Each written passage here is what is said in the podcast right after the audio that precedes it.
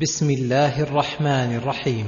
قل يا أيها الكافرون لا أعبد ما تعبدون ولا أنتم عابدون ما أعبد ولا أنا عابد ما عبدتم ولا أنتم عابدون ما أعبد لكم دينكم ولي دين. أي قل للكافرين معلنا ومصرحا. لا أعبد ما تعبدون أي تبرأ مما كانوا يعبدون من دون الله ظاهرا وباطنا. ولا أنتم عابدون ما اعبد. لعدم إخلاصكم لله في عبادته فعبادتكم له المقترنة بالشرك لا تسمى عبادة. ثم كرر ذلك ليدل الأول على عدم وجود الفعل والثاني على أن ذلك قد صار وصفا لازما.